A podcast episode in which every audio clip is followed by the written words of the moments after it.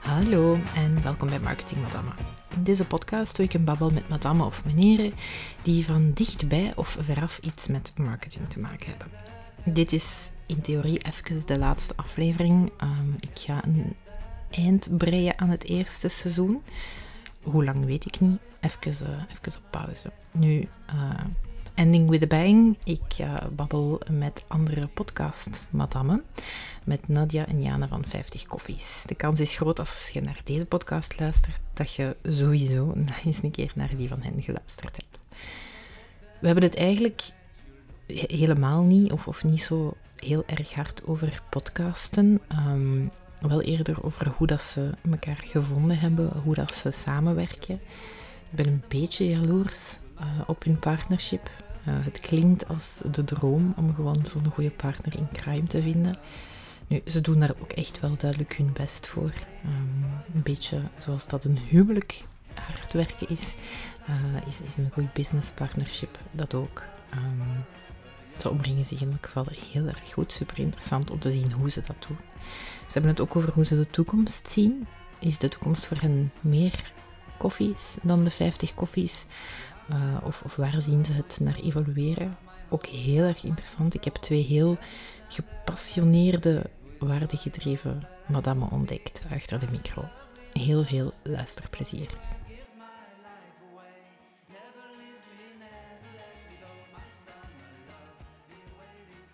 Welkom Nadia, welkom Jana. Hallo, goedemorgen. Goedemorgen inderdaad. Ik vind het redelijk vroeg. Dus ik vermoed dat zeker langs jullie kant ook iedereen aan de koffie zit. Ik heb net mijn koffie op, ik ben al gaan wandelen en zo, dus ik ben best wel uh, al wakker. Uh, en ik heb mijn eerste koffie al, uh, al een tijdje geleden opgedronken, dus uh, ça va wel. Ja, zie, ik heb uw intro direct een beetje overgenomen.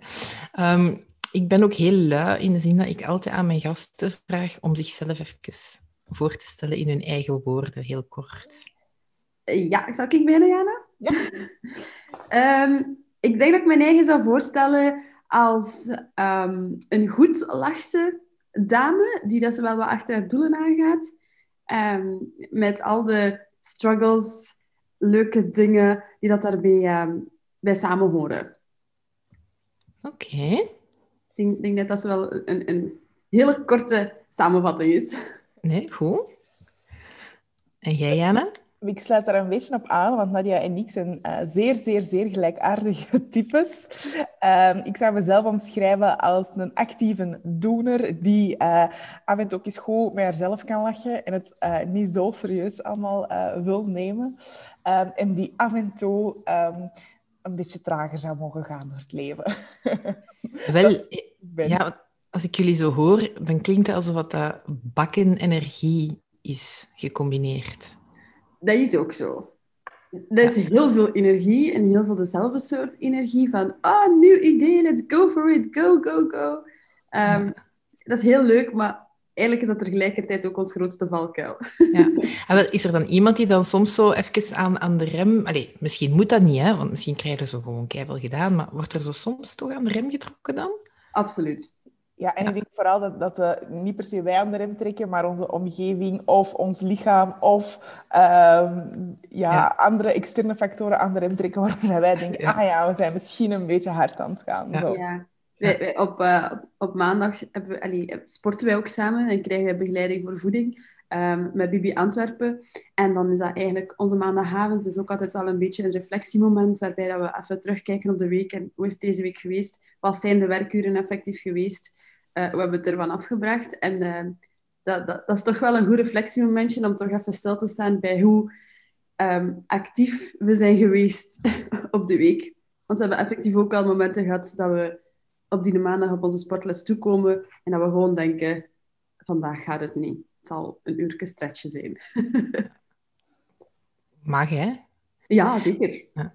Je, ziet, je kijkt dan zo terug, je zegt soms hoeveel is er gewerkt geweest. Allee, dat was eigenlijk een van mijn vragen. Ook omdat jullie hebben bakken energie, jullie doen heel veel, of zo komt dat toch over.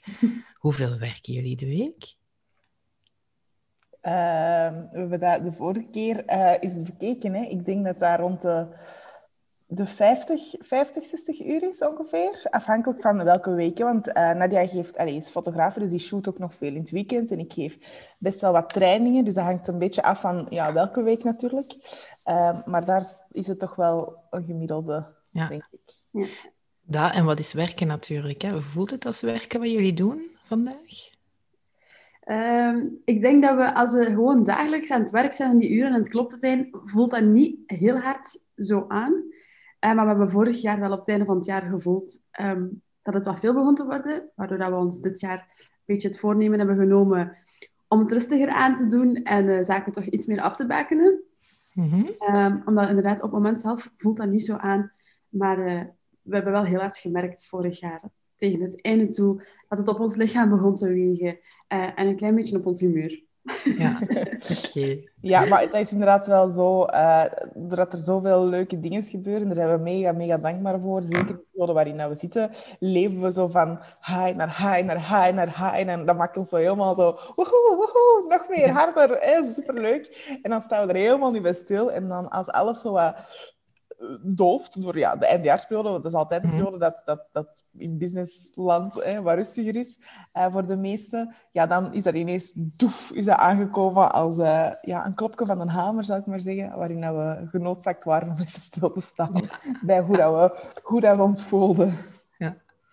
Ja, het is pas als je stilstaat dat je soms inderdaad merkt van wow, wacht even. Uh, ja, ja. oké.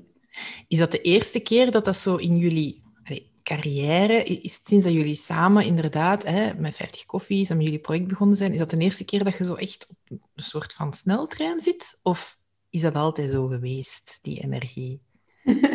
Het is uh, altijd zo geweest. Het is zeker een patroon dat gewoon uh, jaarlijks terugkomt of zo, denk ik. um, zowel met het, uh, het fotografie gebeuren als dan nu met 50 koffies heb ik dat heel erg gevoeld. Dat, dat je jezelf altijd een beetje overschat, denk ik dat het vooral nog iets dat, moet, dat het iets is dat je nog moet leren om je eigen grenzen echt aan te voelen. Ik heb uh, echt wel zomers gehad dat ik op huwelijken en feestjes en events en veel zaken elk weekend, drie keer door de week en elk weekend ook echt aan het shooten was. Dat ik ook op een gegeven moment dacht, oh my god, ik doe het niet meer graag.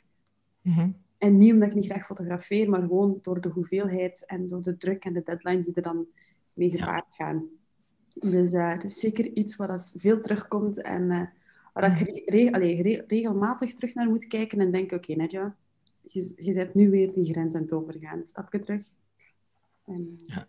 Ja, bij mij is een inzicht geweest van dit jaar. Ik heb, uh, ik heb dat precies altijd gehad of zo. En ik heb dat altijd gestoken op de omgeving waarin ik me bevond. Ik heb uh, bijvoorbeeld lang gewerkt voor een multinational, voor L'Oréal. En dan was dat, was dat ook zo. En dan dacht ik, ja, dat is deze omgeving dat dat eist van mij. Dan ben ik mij naar een andere omgeving gaan verplaatsen. Dan deze omgeving dat dat eist van mij. Dan nu deze omgeving eist van mij. En dan dacht ik, ja, maar it's just you. Zo, ik moet het gewoon toegeven, het ligt aan mij. Zo. Um, en ik die mijn grenzen niet aangeef, ik ben nogal een hele harde zo, ik zal het wel doen, zal ik dat wel doen? Snierig, zal ik dat wel nog even doen? En uh, ik denk dat dat soms het aard van het beestje is, dat ik, uh, dat ik gewoon dit jaar moet toegeven dat het aan mezelf ligt. Ja, en hoe gaat je daar dan mee aan de slag? Maak je daar dan een voornemen van? Of maak je daar dan een punt van om, om dat inderdaad elke week bijvoorbeeld even voor jezelf te evalueren? Zijn er praktische dingen waarop dat je daar dan aan begint te werken? Of is het gewoon iets dat je in je achterhoofd houdt? Uh, ja, probeer daar op verschillende vlakken aan te werken. Hè. Met vallen en opstaan uh, is dat voor mhm. mij. en uh, vorig jaar was er nog met veel vallen. En ik hoop dat dat deze jaar toch met veel opstaan is. Um, door dat te zeggen tegen anderen. Ik heb zowel in Nadia als mijn man daar een hele goede spiegel in. Die zo af en toe zo van die vragen. En, en waarom moet dat tegen morgen? En waarom is dat zo belangrijk? Kunt je me dat nu eens uitleggen? Mhm. En dat je dan soms, oké, okay, ik geef toe, het is dom. Um, kan zeggen, dat sowieso. En ik heb echt een man die daar extreem goed in is, in um, balans tussen werk en privé te vinden. Ja. Kijk daar echt enorm naar op op dat gebied, naar van, my, how do you do it? En dan probeer ik dat ook dat gedrag af en toe een beetje meer actief in mijn leven uh, in te brengen. Ja. Ik heb er ook zo een. Dat helpt inderdaad om de dingen te relativeren soms. Hè. Ja. Absoluut. Dat in kindjes, maar geheel terzijde. dat helpt ook. Ik me voorstellen. Ja. Um, ja, tot het hele 50 koffies verhaal waren jullie eigenlijk eerder solo-ondernemers? Ja. Als ik het zo mag omschrijven.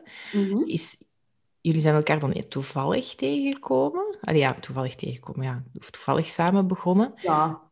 Is dat, is dat heel anders? Wat zijn de grootste verschillen samen versus apart? Ehm, ik denk wel dat het um, één afhangt met wie dat je samenwerkt. Um, omdat het is niet mijn eerste partnership. En, en met Jan heb ik echt een hele, hele goede partnership. Die dat heel aanvullend is. En waarbij dat de, gewoon voelt dat alles op tafel kan gesmeten worden. Dat er geen onderliggende frustraties zijn of dergelijke. En dat alles altijd open kaart gespeeld wordt. Mm -hmm. En dat dat heel, heel belangrijk is en dat de meerwaarde is van een samenwerking. Um, want ik denk als je een slechte samenwerking hebt, dat dat tien keer vermoeiender is dan alleen werken. Mm -hmm. Maar het is maar als je een goede samenwerking hebt, dat je voelt wat de meerwaarde daarvan is. Um, en, en hoe dat, dat zaken verlicht. Um, en, en dat je echt wel veel geruster door het leven soms kunt gaan, puur stressgewijs dan. Mm -hmm. um, omdat je gewoon voelt dat je een partner hebt die dat even hard ervoor gaat als jij. En als er een probleem is dat je niet alleen kunt oplossen, dan heb je daar iemand voor die dat dubbel zo dik en hard achter u staat om dat mee op te lossen. Ja. En dat is een heel, heel aangenaam gevoel. Dat, waardoor dat de, de stress die dat je normaal gezien 100% alleen voelt, wordt nu een beetje, een beetje gedeeld en voelt je een soort van 50% nog. ja. Of soms 70, 30, soms 20, 80. Dat hangt misschien ook van de ja. situatie. Ik denk door het feit dat wij zo, zodanig dezelfde uh, karakters hebben, dat, dat dat vrij snel 50-50 is. Oké, okay, wat gaan we doen? Jij doet deze, ik doe dat. En dan komen we ergens in het midden. Let's go. Bam, bam, bam. Ja. En dan wordt dat gewoon wel opgelost. En dat is dan fijn dat er zo geen van de twee zo heel tijd aan het zagen is, om heel aan het, het probleem nog erger aan het maken is of zo. We zijn allebei wel heel hard, oké, okay, dat is het probleem. Ik ga dat oplossen, jij lost dat op. We, gaan, allez, we komen elkaar tegemoet in het midden. Let's go. Mm -hmm. uh, en, en dat is een heel, heel fijn gevoel. Ja. Ja, aanvullend zeker waar. Ik denk dat het werk uh, maal twee is en de stress gedeeld door twee. En ik denk dat dat fantastisch voelt. Ah, dat is kei mooi gezegd, Jana. Wat, wat maken er een quote van? Word, ja, ik, voel, ik, voel, ik schrijf hem nu al op. Dat ik hem... Wacht een minuut, hoeveel zitten we? maar dat klinkt, dat klinkt inderdaad als een droomscenario. Maar zoals je zegt, ja, je hebt dan ook al eens een, een minder positief partnership gehad. Hoe weet je dat? Is dat gewoon buikgevoel? Dat je elkaar tegenkomt en direct zoiets hebt van ja, dat is het? Of doe je um, workshops? Of... Ik denk een goede partnership weet je pas als je op langere termijn uh, samenwerkt en uh, struggles bent doorgekomen en moeilijkheden bent doorgekomen. Uh, en ik denk echt dat je een slechte partnership heel hard voelt in je buik. En dat je achteraf wel heel hard kunt zeggen, eigenlijk wist ik dat wel. Maar ik wou dat gelijk niet inzien en ik heb er alles voor gedaan om dat toch gaande te houden. Ja. Uh, dat is echt wel voor mij, ik spreek dat enkel voor mezelf, denk ik, dat dat echt een buikgevoel is. Mm -hmm. um, ja. Ook wel een goede partnership, want alleen, nu lijkt het zo precies of dat, dat zo Oh, we kwamen elkaar tegen en het was een mega match en zo. Dat, dat, dat, was ook wel ergens zo, maar ik denk, allee, wij, wij steken daar ook heel veel tijd en heel veel waarde in, omdat wij juist lange termijn willen denken. Ook juist omdat Nadia die mindere ervaring achter de rug heeft. Um, dus laten wij ons daar ook heel actief in begeleiden. Um, ja. wij, uh, wij gaan op coaching bij Klik, waar wij uh, echt een van de topcoaches, we dachten, oké, let's just do it. En die uh, ons begeleidt om, om, om goed samen te werken en, en na te denken over de niet leuke dingen. Want ik en Nadia zijn zo mega pos positief bees, die zo, dat is leuk en dat is leuk en dat is leuk. Maar er is gewoon ook altijd een kant dat, ja, stel dat het slecht gaat, wie krijgt dan de naam? En stel dat het slecht gaat, wie krijgt dan de zaak? En zo, allee, daar zijn ook dingen waar je over moet nadenken. Gewoon, dat als je daar in vriendschap over hebt nagedacht, dan moest het ooit, hopelijk gebruikt het nooit, maar moest het ooit zo zijn dat je daar wel, allee, dat dat wel is afgesproken zo. Um, en anderzijds laten wij ons ook business-wise mentoren om, om onze zwaktes um, op te vullen en, en daar voorzichtig mee te zijn. Dus we zijn daar wel heel actief mee bezig om dat zo positief mogelijk te houden en ons ook te behoeden van de gevaren die er sowieso wel met gepaard gaan met een partnership. Ja. ja. En okay. inderdaad, wat dan misschien ook al bij Jana en mijzelf is, we zijn niet elkaar tegengekomen en vanaf dat heen hebben we niet gezegd, oh, let's start a full-time business um, mm. together. Dat is, dat is nu dat gegaan is. We gingen eigenlijk initieel samen een, klein work, een kleine workshop geven uh, voor marketing, fotografie en wat grafisch design, als dat begonnen is. Um, okay. ja, dan hebben we toevallig de podcast gemaakt. En van daaruit voelden wij gewoon heel hard welke partnership dat we hadden en wat we met z'n tweeën um, wel niet allemaal konden doen. En dat heeft ervoor gezorgd dat wij na, na acht, negen maanden gezegd hebben oké, okay, misschien moeten we toch eens samen aan tafel zitten om er een fulltime business van te maken, omdat we gewoon op alle vlakken voelen dat dat goed ging. Ja. Dus we hebben zeker niet vanaf dag één... Uh... Ja, en acht, negen maanden inderdaad al iets heel praktisch samengewerkt hebben, dan voelt je al wel waar dat het potentieel minder goed en waar het supergoed gaat. Ja, ja en ook waar je energie naartoe gaat. Hè? Allee, wij merken mhm. van, oké, we, spreken af één dag per week of twee dagen per week. Ja, op een duur waren wij gewoon elke dag over dat project aan het sturen en aan het mailen. En dachten we, ja, we hebben gewoon keihard goesting om in die vinders te gaan. Het is ook onnozel om heel een tijd in boot af te houden, want ja, duidelijk onze goesting zit daar en, en we moeten dat gewoon proberen dan. Ja, ja. Oké. Want wat was het oorspronkelijke project voor, allee, achter of, of chronologisch voor de podcast? Want het verhaal is inderdaad dat jullie elkaar tegenkomen, samen voelen dat jullie aan, aan iets heel gelijkaardig willen werken of willen trekken, dat dan met heel veel mensen willen gaan bespreken en daar is dan de podcast uitgekomen. Het, het project echt aan de basis, of het eerste idee, wat was dat dan precies? dat gaat nu een beetje mega leem klinken, hè? maar we gingen echt gewoon een workshop geven voor fotografie en marketing samen. Voor startende ondernemers. ja, startende ondernemers. Dat was eigenlijk het initieel plan. Zo een weekje zo gingen we dat dan geven. Ja. De zeven dagen of zo, ik weet het niet meer exact, maar gingen we zo elke dag een thema aankaarten en gingen we dat, gingen we dat geven samen. Ja. En hoe lang en hoeveel podcastgesprekken is dat ondertussen geleden? Ja, dat is ook ja, dat is echt al veel koffies geleden. Hè? Want vanaf dat wij twee koffies hadden gedaan, dachten wij... Hmm, we vonden dat hier al een andere kant op gaan dan we initieel dachten.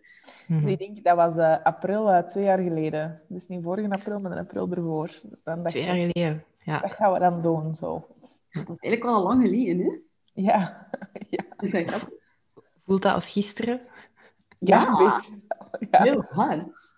Ja, absoluut. Wauw, zo cliché. ja. um, misschien even nog een beetje verder terug, hè, want oké, je zijn elkaar dan tegengekomen en, en uh, er is heel het 50 koffies verhaal, maar zelfs daarvoor waren jullie allebei wel al gewoon onderneemster. Mm Is dat iets dat, dat van nature gekomen is? Was dat iets dat sowieso van te moeten was qua persoonlijkheid? Hoe, hoe zijn jullie daarin gerold? Um, bij mij was dat, uh, ik wou dat nooit worden. Mijn beide ouders um, waren ondernemer en ik heb daar uh, de goede dingen van gezien, maar ik heb daar ook zeker, zeker een andere kant van gezien. Beide ouders zijn daar ook zwaar ziek door stress, allez, zwaar lang mm. oud geweest. Uh, dus ik dacht, echt niet voor mij. Ik ga dat echt nooit doen. ik heb dat ook tien keer tegen mijn ouders gezegd, hoe hard ik dat nooit zou doen. Um, en dan ben ik gaan werken voor een groot bedrijf. Dat is een goede corporate, waar veel ondersteuning was, mhm. veel kader was. Het echt fantastisch. Maar dan merk je toch dat je zo... Allee, bij mij was het zo, uh, dat enorme rebels kantje uh, komt dan naar boven. Mhm. Dat, ik, uh, dat ik moet toegeven dat ik dat toch wel heel hard heb. En dat ik heel hard begon um, gefrustreerd te geraken van mensen die mij zeiden wat ik moest doen. Ook, en dan moest ik dat doen, ook al was ik het daar niet mee eens, want dat was uw superior, dat dat dan zei, of dat dat dan verwachtte. En als ik dacht, ik vind het echt stom, ik sta er helemaal niet achter, ja, gaat dat toch moeten doen. Dat begon steeds meer met ouder worden, uh, kwam dat naar boven. Uh, en ook gewoon de mega harde arrogantie van, ik denk gewoon dat ik dat beter kan zelf. Zo. Ik denk dat elke ondernemer wel zo in die fase is geweest van zo... Ja, maar ik zit hier voor iemand te werken die mij dingen zegt waar ik het niet mee eens ben. Kan je hem gewoon zelf doen. Als ik dan toch die tijd want ik werkte heel lange dagen, als ik dan toch die tijd doe, kan ik het even goed doen voor mezelf. Dan dat ik dat gewoon moet wachten totdat dan iemand, dat vond ik het moeilijkste, moest wachten tot iemand vond dat het tijd was voor mij om door te groeien. Versus ik dat vond dat het tijd was om door te groeien. Daar kon ik niet mee om. En dan ben ik uh, halftijdsondernemer geworden. En dat heb ik dan heel lang gedaan. Uh, en dan uh, ben ik freelancer geworden, heb ik een coworking opgestart. En uh, het eerste jaar was gewoon heel hard. Ik vond dat heel... De realiteit van ondernemerschap in het begin is ook wel hard, denk ik. Mhm. Als dat je moet afstaan, als dat je moet weten ineens, als dat je moet rekening houden.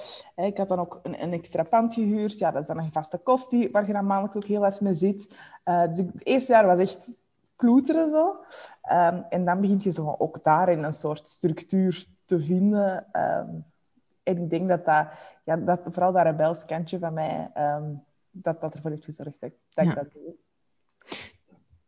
Zou jij ooit nog voor iemand kunnen werken?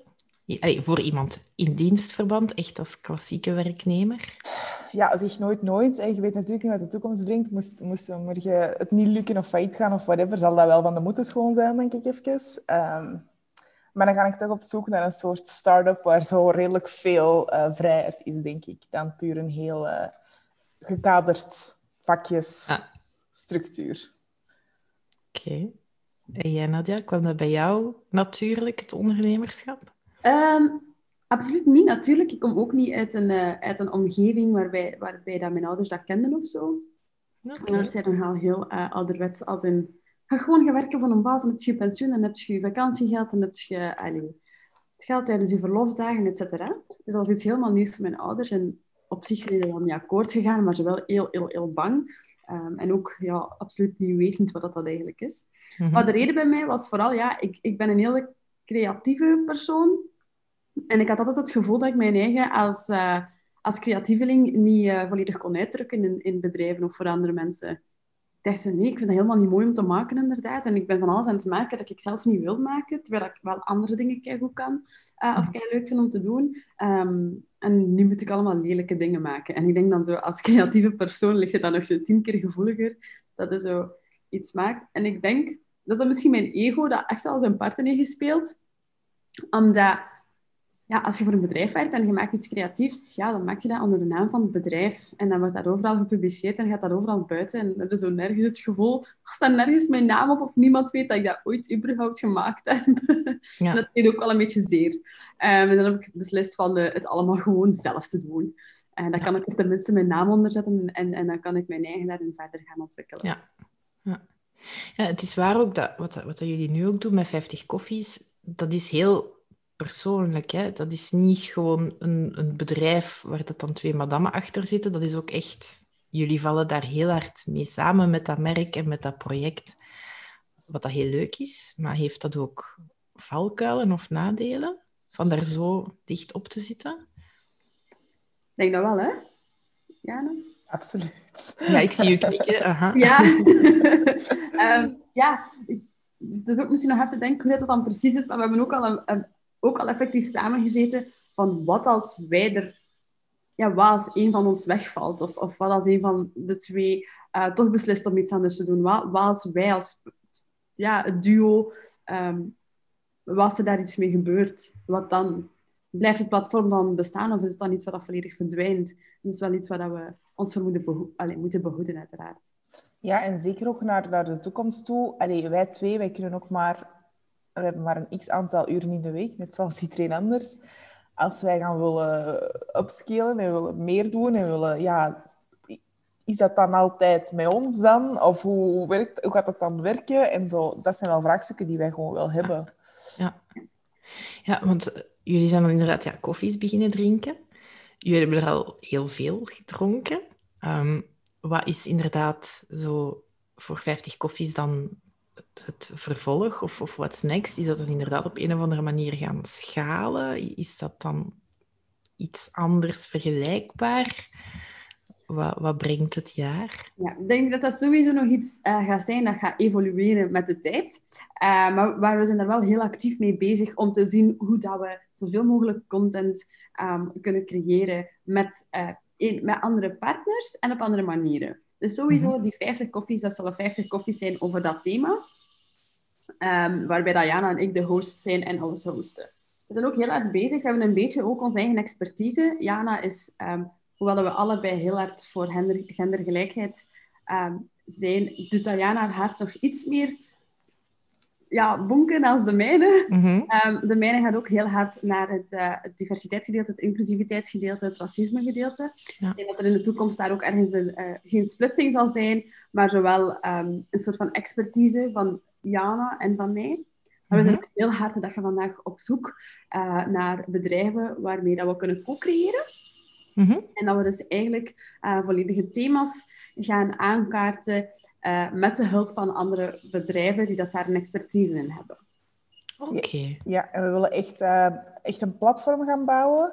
Um, waarin dat we een platform eigenlijk voor zo, ja, we noemen het zelf de high potentials, de leiders van morgen uh, willen gaan bouwen. Omdat wij heel sterk geloven dat waardevolle content niet saai hoeft te zijn. En we vinden dat vandaag vaak wel is. Of het is luchtig en fun, of het is zwaar en redelijk uh, grijs, zo wat dat. Mm -hmm. uh, en wij willen die gewoon mergen, want wij denken dat je ook gewoon waardevolle content tof kunt maken. Mhm. Mm -hmm. uh, dat enerzijds. En anderzijds willen wij heel graag, um, waar wij alle twee zenuwachtig van worden, zoals allee, Nadia al heeft gezegd, ik heb meer mijn focus rond gender. En jaar focussen meer rond inclusiviteit. Uh, maar waar we alle twee sowieso uh, zenuwachtig van worden, is de enorme um, eenrichting informatiestroom die er vandaag is en het, het sturende van de media.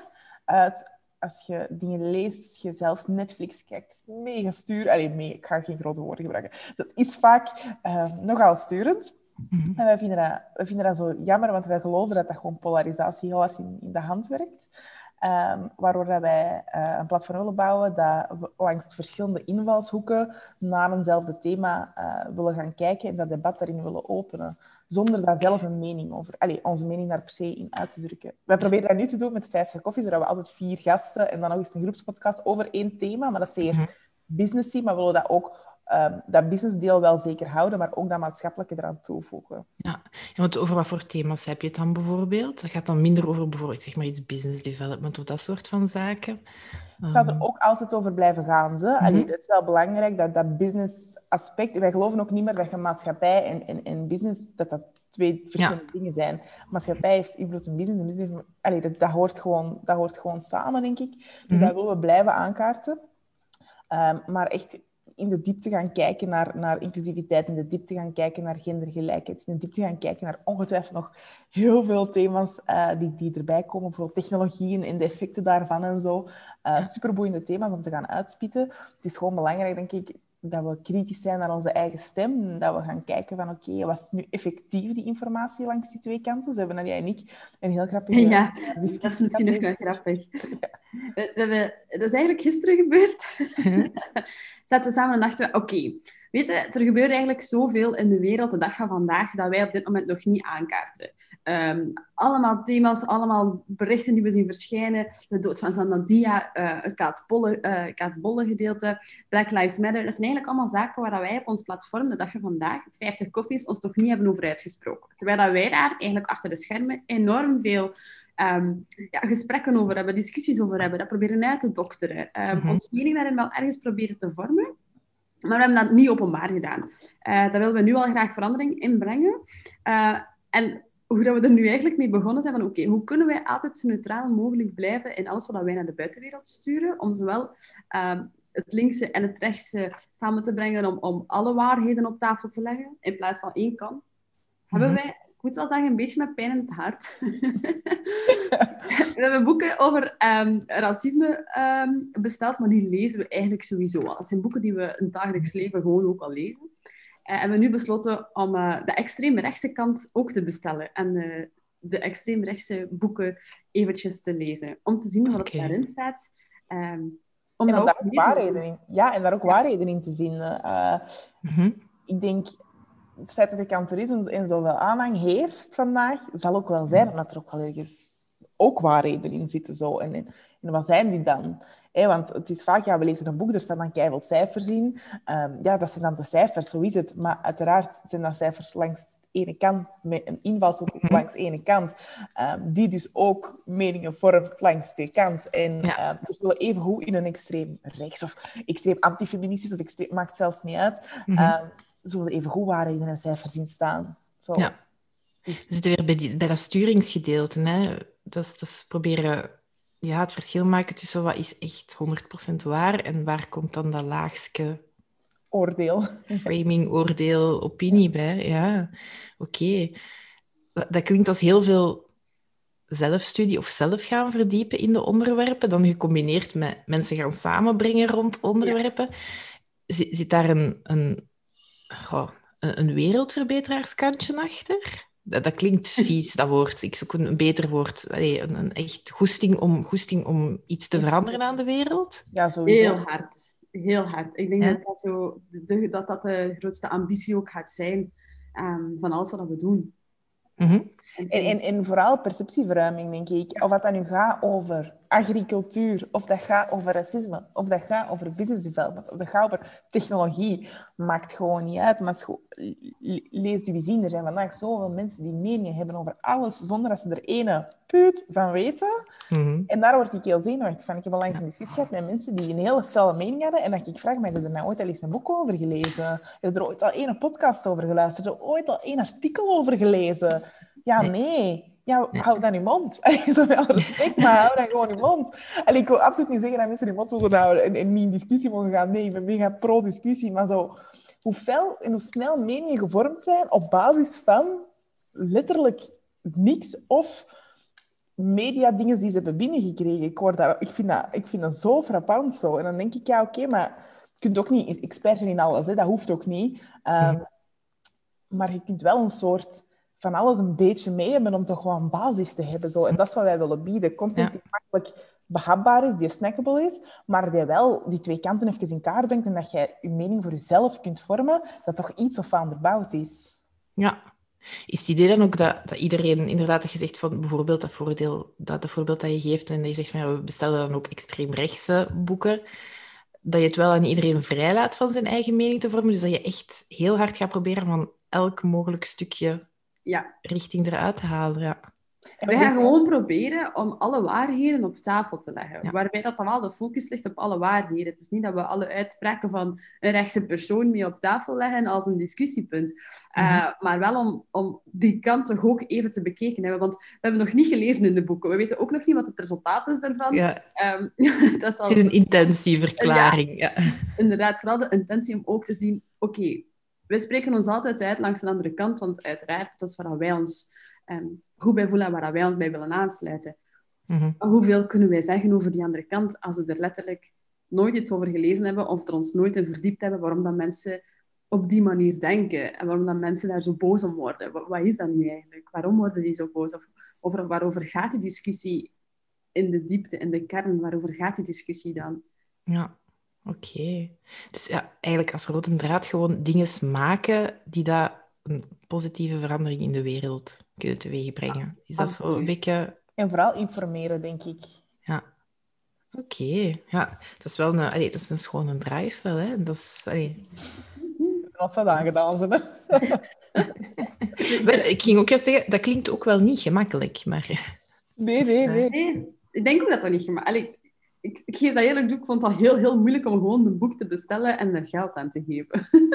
Ah, op die manier, ja. Dat, dat, dat deeltje alleen al vond ik moeilijk. Dus, en dat, dat zegt ook veel over, over mij waarschijnlijk. Hè? En over hoe lastig dat ik het vind om gewoon dat onderwerp open te gooien. Dus dat zegt ook veel over dat de persoon aan de andere kant, van mijn kant, zich voelt over de thema's waar wij het dan uitgebreid over hebben.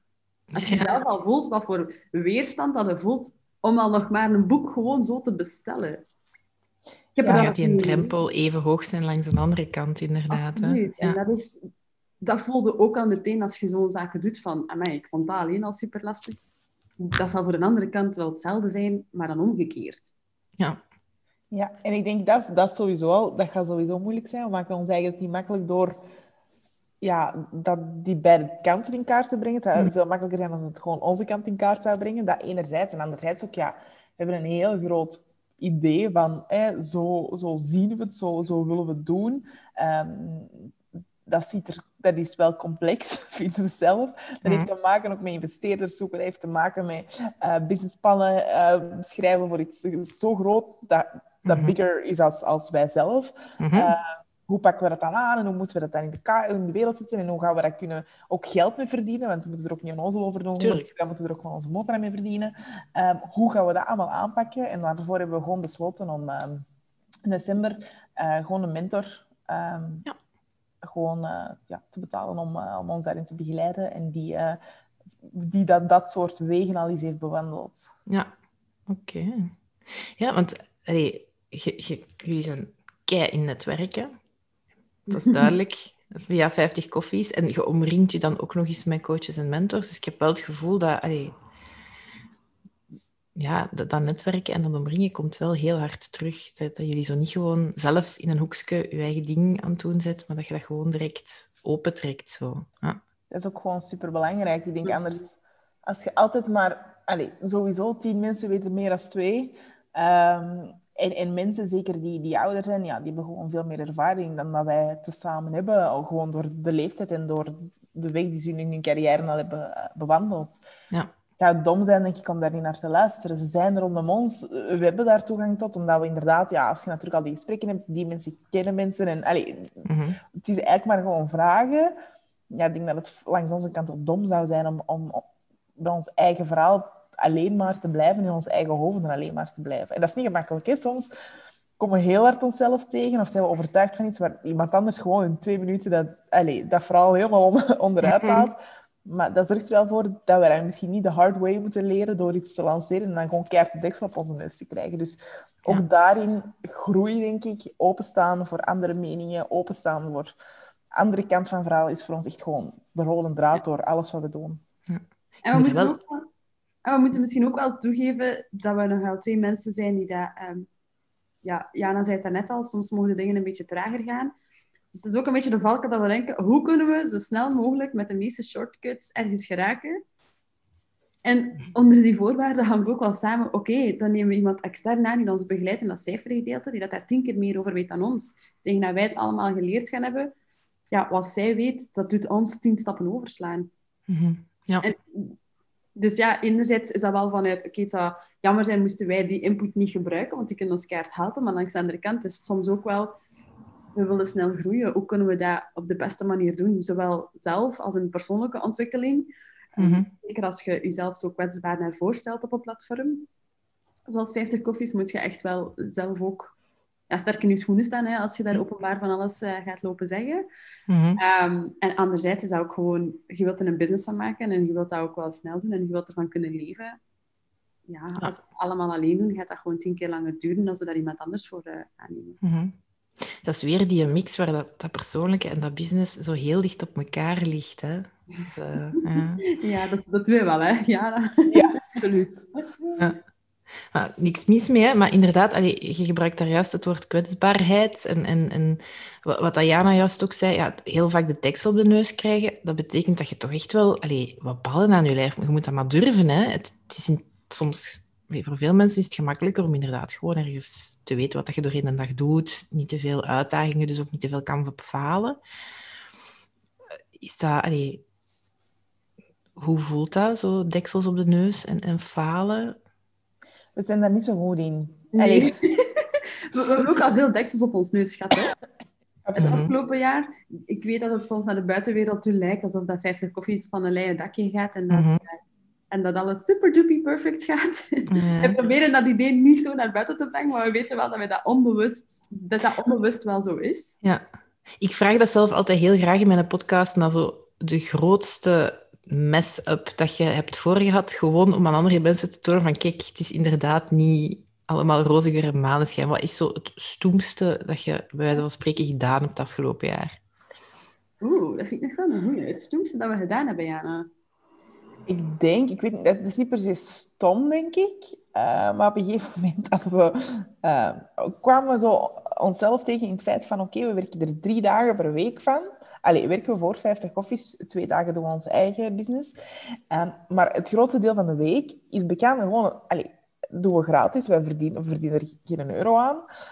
Um, en dat begon zo'n beetje te vreten. Van, van zin, dan wordt gewoon een heel duur hobby. Als ik op twee dagen mijn volledig inkomen moet genereren om drie dagen voor 50 koffies te kunnen werken, dat is ergens niet helemaal logisch. En dat is helemaal charming in de start, allez, in het start-up gegeven. Hè, dat wordt zo vaak zo... Uh, maar het is totaal niet charming op mijn rekeningen, het is totaal niet charming op mijn relaties, totaal niet charming... Allez, zo. En op een gegeven moment liepen we daar heel hard tegenaan. Dus dachten, oké, we, gaan, we gaan iets doen dat effectief geld eh, genereert. Belangrijk. Uh, en dan zijn we even zo, dan hebben we iets gelanceerd uh, waar we echt wel naar achter staan. We, we, dachten, ja, we doen die mensen in een podcast. Maar het zou nog boeiender zijn als die nog meer informatie zouden willen komen delen. Ehm, en ehm, we hebben daar een masterclass van gemaakt. Dus kei leuk project, super tof. Mensen wouden dat ook doen, super leuk. Maar in de manier van dat we dat hebben gecommuniceerd, waren we ineens precies de twee grootste salesmensen van de wereld. We hebben dat zo hard ja, gepusht gepusht op een very American salesy manier uh, gebracht. Dat zwart niet strookte met wie we waren. Ik heb ook heel veel feedback gekregen van... Wat was dat, jong? Oké. Okay. Ze hebben ons echt die feedback gegeven van... Jongens, die sales, ik ben het kotsbeu, stop er gewoon mee. Dat is totaal niet wie dat jullie zijn. Uh, En dat wij ook achteraf zo een beetje in schaamte... Oh my god, al die mails en al die info die we buiten hebben gestuurd. Dat hebben wij gedaan. Ja. ja, dat was heel, helemaal nieuw. Hè. En daar hebben we ook echt gewoon feedback op gekregen van, wat was dat? Ja. Mannetjes. Echt zo, ja, misschien wel waar. Volgende keer anders, ja. De volgende keer anders, ja. Oké. Okay. Jij, Nadia, had jij hetzelfde voorbeeld? Of ja, ik denk dat dat wel het grootste ja, moment is geweest van zo'n beetje schaamte achteraf. Ja, ja zo die, die lancering van de manier waarop, niet, niet het feit zelf, want er hebben we wel mhm. heel veel uit gehaald en dat was wel heel leuk om te doen en, en er hebben heel veel positieve reacties maar gewoon echt de manier waarop we dat verhaal hebben mm dus achteraf, gezet. Ja. ja, en dat je ook zo gewoon achteraf zo voelt dat het zo doorzakt in je schoenen van oh, we moesten dat echt gewoon anders gedaan hebben. Dat is zo faal oh nee, dat willen... We hebben altijd gezegd dat we dat niet willen zijn en toch zijn we erin gelopen en toch hebben we het gedaan. Hebben het gedaan. Maar, en heb je daar dan iets mee gedaan met dat gevoel? Omdat je zo persoonlijk samenvalt met je business, hè, heb je daar dan ook over gecommuniceerd? Van, goh, het was er een beetje over of we doen het anders volgende keer. We hebben daar een Instagram TV uh, eh, van gemaakt om echt te zeggen, man, sorry, we, hebben het verkeerd gedaan. Zo dat. We hebben echt een hele, uh, een hele Instagram TV uh, eh, van opgenomen en daar hebben we heel veel leuke reacties op gekregen. Maar dat was wel echt heel kwetsbaar opgesteld. Ik denk dat dat voor mij het meest kwetsbaar opgesteld is dat ik, dat ik heb moeten doen. Um, ja. ja. En ook zo, dan zo, door het feit dat je dat dan zo zegt van sorry mannen, we weten het, we zijn erover gegaan. Het is, het is ook eigenlijk een leerproces voor ons, maar we voelen het, dat is niet oké. En dan krijg je achteraf ook zo al die mensen, amai, we zijn echt blij dat jullie dat zeggen, want we vonden dat ook. Dat is de meerderheid die eigenlijk ook... Ja. Er is ook een hele lading van mensen die zeggen, amai, we zijn blij dat je dat zegt, want wij vonden dat ook. En dan denk je zo, ouch. dat gaat ze wel even diep. Ja, we hebben daar wel heel veel reactie op gekregen. Allee, positief dat we sorry zeiden, maar ook inderdaad van de reactie van we vonden het eigenlijk allemaal. We keken ernaar, we zaten erbij, we keken ernaar en we vonden het allemaal niet oké. Okay. zijn niet bezig, ja. Ja. ja.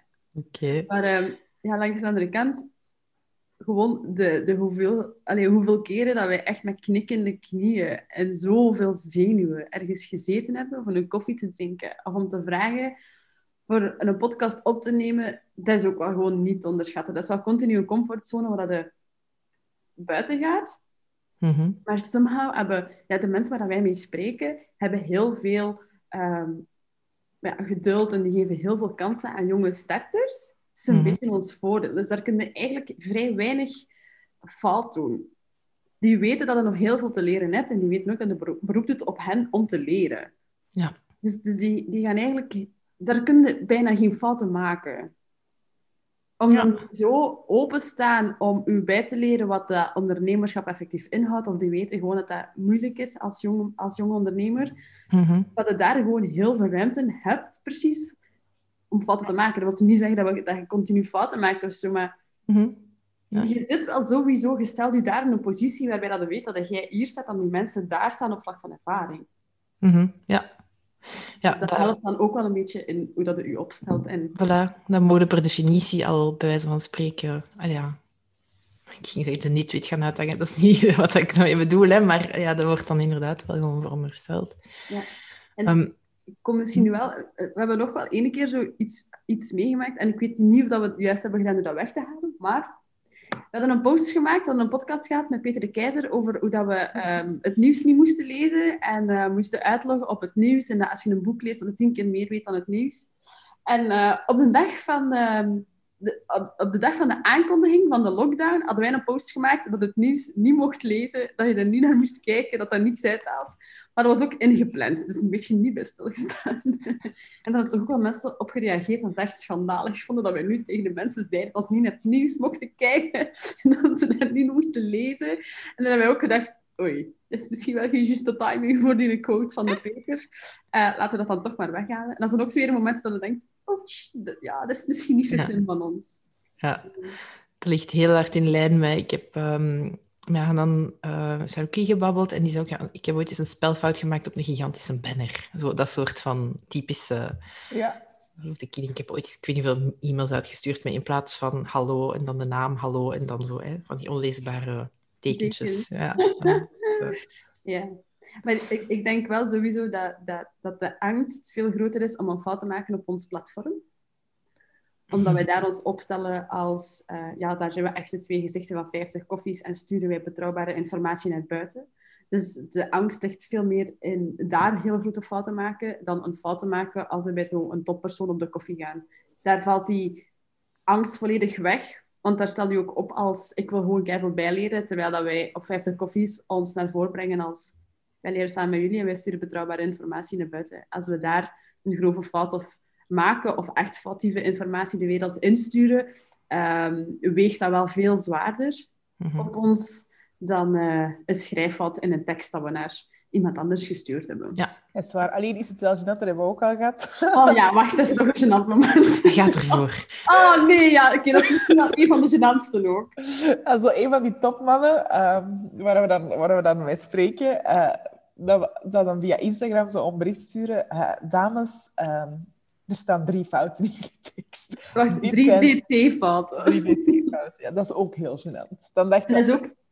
Een paar keer voorgevallen. Ja, die heeft ons meer dan één keer een berichtje gestuurd op Instagram om te zeggen dat er een DT-fout in onze tekst staat. We kunnen goed babbelen, minder schrijven. Dus dat is inderdaad... Uh... Ik ken uw sterktes, denk ik dan. Hè? Voilà. Dat is, uh... maar dat was inderdaad wel heel gênant, vond ik. Oké. Okay. Um, misschien, als je, ja, je deelt sowieso wel heel veel, hè?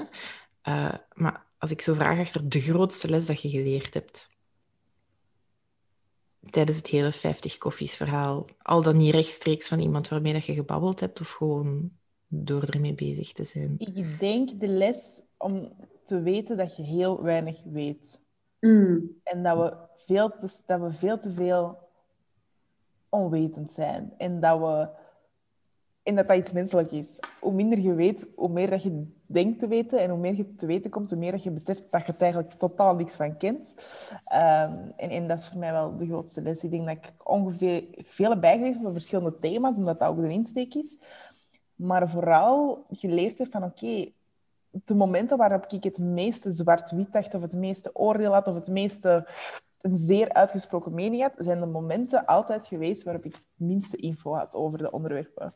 En hoe meer ik weet over onderwerpen, hoe grijzer, hoe, ja, hoe grijzer de zone wordt of zo, minder zwart-wit denken er is, hoe meer dat ik denk, oh ja, ik vind dat, maar ik vind eigenlijk ook dat. En ik, weet nu eigenlijk niet wat exact mijn mening is. En ik denk dat dat voor mij een heel een eye-opener is geweest. Dat, als ik voel van mezelf dat ik echt zo heel zwart-wit of heel hard een uitgesproken mening heb, dan denk ik, misschien is het nu een moment om erover bij te leren. Zo. Betekent dat ook dat je dan minder geopinieerd geworden bent?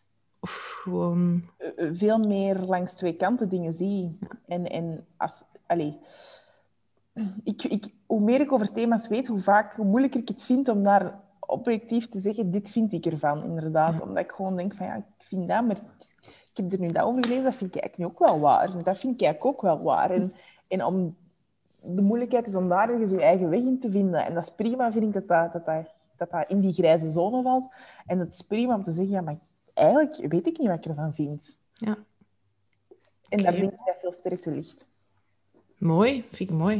Ja, en ik ga me er ook volledig bij aansluiten, omdat we inderdaad het laatste jaar vooral gemerkt hebben dat, we, dat, dat je eigen mening vormen plots veel moeilijker wordt. Dat is zo een beetje verdwaald geraakt en wat is uw eigen mening nu daarover?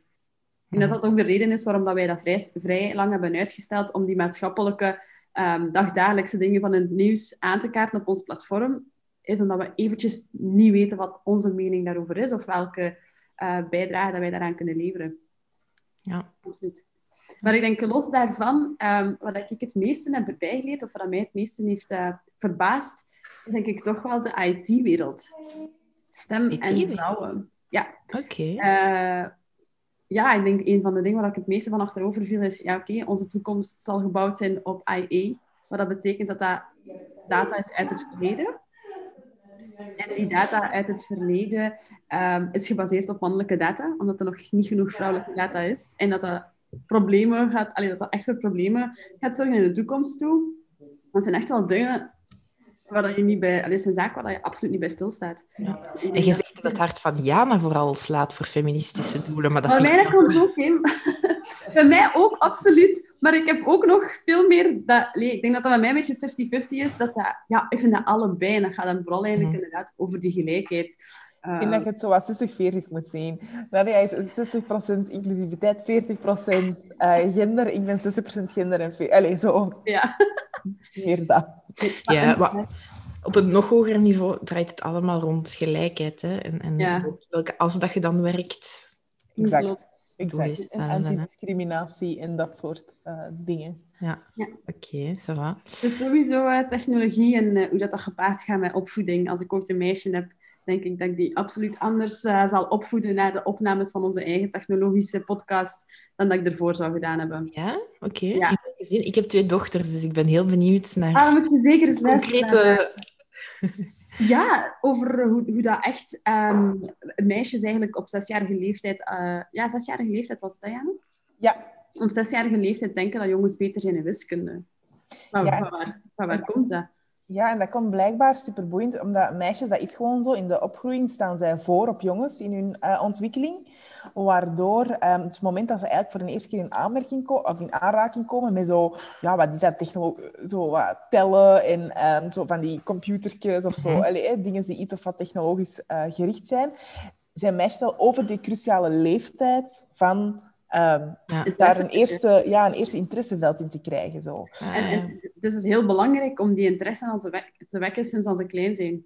En dat bijvoorbeeld ook meisjes op een leeftijd van, uh, ja, dat, dat, is tussen 10 en 12 jaar, dat eigenlijk de speelmogelijkheden al beperkt worden doordat ze gekleed worden. Dat meisjes er op die leeftijd al heel hard van bewust zijn. Meer ook, ga, ga hier omhoog, ik ga maar niet in dat water gaan springen of ik ga maar niet uh, gaan votten, want dan, eh, dan zie je alles. Ja. Dat, dat, die zaken gewoon heel hard... Um, bijdragen aan de ontwikkeling van, uh, van meisjes en hoe dan die uh, daarmee omgaan. Ik denk zeker dat dat mijn grootste lessen zijn geweest, wat het dan op persoonlijk en een beetje businessvlak ja. is. Maar ook al gewoon heel maatschappelijk. Zaken die ik echt niet wist en waarvan ik echt tegen mijn zussen zei... De meisjes die dat nu aankomen bij jullie, mijn nichtjes dat eraan komen, dat gaat toch anders moeten, zijn. ik heb een paar ideeën daarover. Ja. ja, ja. Is jullie maatschappelijke betrokkenheid gegroeid doorheen die 50 koffies? Absoluut. En ook boos worden. Hè. We merken zo, als we dan een thema ontdekken, zoals inderdaad die uh, vrouwen in technologie, waarom het dat vandaag zo'n probleem is, ja, dan ben ik boos. Hè. Dan denk ik, maar hoezo weten we dat nog niet? Hoezo wordt er niet over gepraat? Allee, maar. Dan word ik zo... Ja, dan, dan begint mijn bloed zo sneller te stromen. Uh, en ik denk dat, dat die positieve kwaadheid, want het gaat dan gewoon over... Allee, het is niet dat ik ja, ik weet niet, op straat gaan komen of zo, ik niet. Maar zo, wel zo, allee, we moeten iets mee doen, die goesting daarvoor. Dat is wel heel hard gegroeid gewoon. Ja. En van wat ik hoor, is dat ook de bedoeling, of zit dat er ook aan te komen van er dan ook iets mee te doen? Hè? Ja. dat is de bedoeling, inderdaad. Ik denk dat het ook gewoon heel fijn is aan, aan onze partnership. Wij komen allebei uit een totaal andere uh, wereld. Wij weten dat ook. Uh, en wij, uh, wij babbelen heel veel dan over die bepaalde zaken. We hebben nu maandag zijn onze week begonnen met een twee uur gesprek puur over um, ja, inclusiviteit en, en racisme en, en, discriminatie. Waarbij dat wij letterlijk gewoon twee uur en een half gezoomd hebben en allebei echt niet een zware discussie zijn geweest, maar continu verschillende waarheden hebben aangehaald. Maar niemand, dat is toch ook zo, en dat is toch ook zo, en dat is toch ook zo. En, en dat is gewoon zo een, een meerwaarde dat er gewoon voelt, wat voor open gesprekken dat je met iemand daarover kunt hebben. En hoe hard dat die gesprekken ook continu eigen waarheden aanscherpen um, en aanpassen. Ja. En dus, dat is wel ook iets wat we heel veel doen. Um, en, en, ja, wat dat ook gewoon gelijk wel nodig is, omdat ik denk dat heel veel mensen bang zijn om bepaalde gesprekken aan te gaan. Mm -hmm. um, of, of, mensen misschien niet altijd dingen durven zeggen. Ja. Ik denk, ik denk dat Jana daar... Allee, wij hebben dat gesprek ook soms. Dat Jana soms denkt, ja, maar soms durf ik bepaalde zaken zelfs gewoon niet meer vragen. Of durf ik dat zelfs niet meer zeggen. Um, terwijl dat... ja, ja, terwijl dat dan net... Het is net hetgeen wat we moeten doen. Hè. We moeten net praten en luisteren naar elkaar. Ja. Schoon. Mooi. En samen bouwen op een manier... Ja. Dat klinkt wij zo kei wereldverbeterend. Hippies op een Ja, kan je zeggen? Nee, maar ik ben dat ook zo. Ik geloof in karma bijvoorbeeld. Allee, dus ah, ja. is niks okay, mis mee. Nee, nee, nee. Allee, dat is, ik, ik, vind dat juist, ik vind dat juist mooi. En ik denk ook dat dat...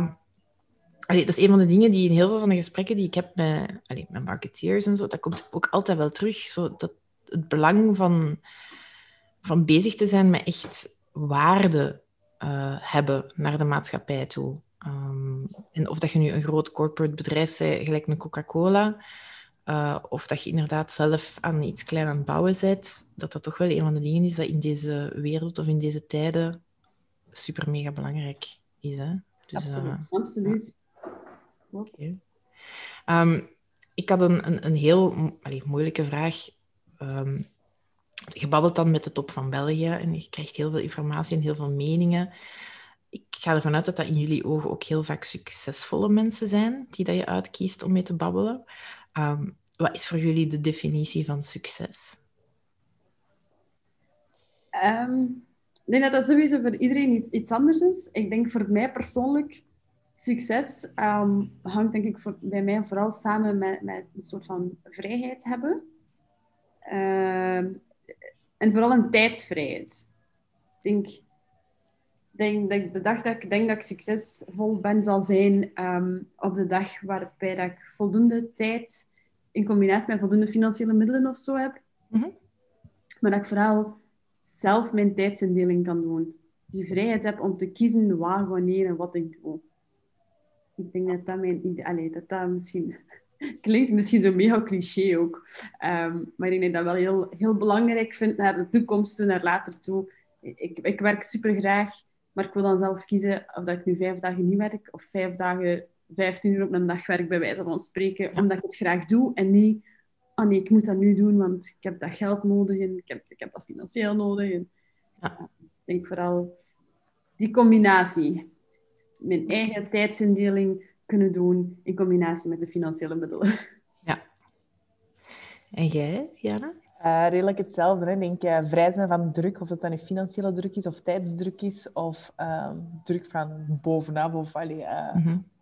Daar proberen zo vrij mogelijk van te zijn. En dingen kunnen doen vanuit je gut feeling, vanuit ja, je missie, of, of wat je echt wilt neerzetten en, en achterlaten, versus dingen doen omdat je op het eind van de maand anders niet gaat rondkomen, of dingen doen omdat je voor jezelf zoveel deadlines hebt gesteld dat je mega tijdsdruk komt. Of allee, zo, dat, uh, ja. dat is voor mij succes. En, dat is voor iedereen anders. Hè. Voor de ene persoon heeft zoveel tijd nodig, zoveel vrije tijd nodig en zoveel geld nodig. En voor de ander is dat iets helemaal anders. Uh, ja. Ik weet wat dat voor mezelf is en, en, en daar gewoon uh, ja. vrij van zijn. En hebben jullie het gevoel dat jullie daarheen aan het groeien zijn? Nog niet. Nee? Oké.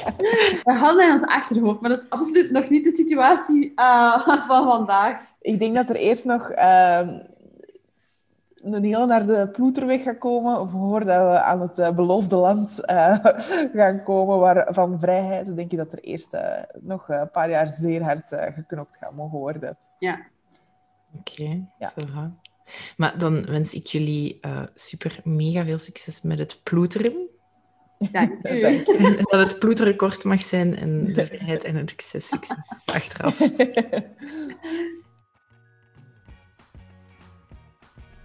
Ploeteren onderweg naar succes, daar zijn wij uiteindelijk allemaal mee bezig. Nee? Zolang ploeteren een beetje plezant blijft, niks mis mee. Voilà. Dit was de laatste voorlopig. Normaal gezien sluit ik af door het over de volgende gast te hebben. Ehm, wat ik wel kan zeggen is dat ik het podcast zo ongelooflijk plezant vond dat er sowieso nog gaan zijn, gaan komen, gaan volgen. In welke vorm, met welke gasten, laat ik dan wel weten. Praktische mededeling, ik ehm, geef deze week uh, een, een, kleine infosessie over podcastgevoel voor beginners. Kom het op neer. Er is een inschrijvingslinkje voor wie uh, geïnteresseerd is om mee te komen luisteren naar mijn tips en tricks. Um, als je intussen tijd graag meevolgt waar ik allemaal mee bezig ben. Ik heb ook een newsletter waarop dat je kunt inschrijven. En dan denk ik dat ik mijn eigen genoeg gepitcht heb. Hè. Um, allemaal heel veel succes met het geploeter. En tot de volgende. Tada!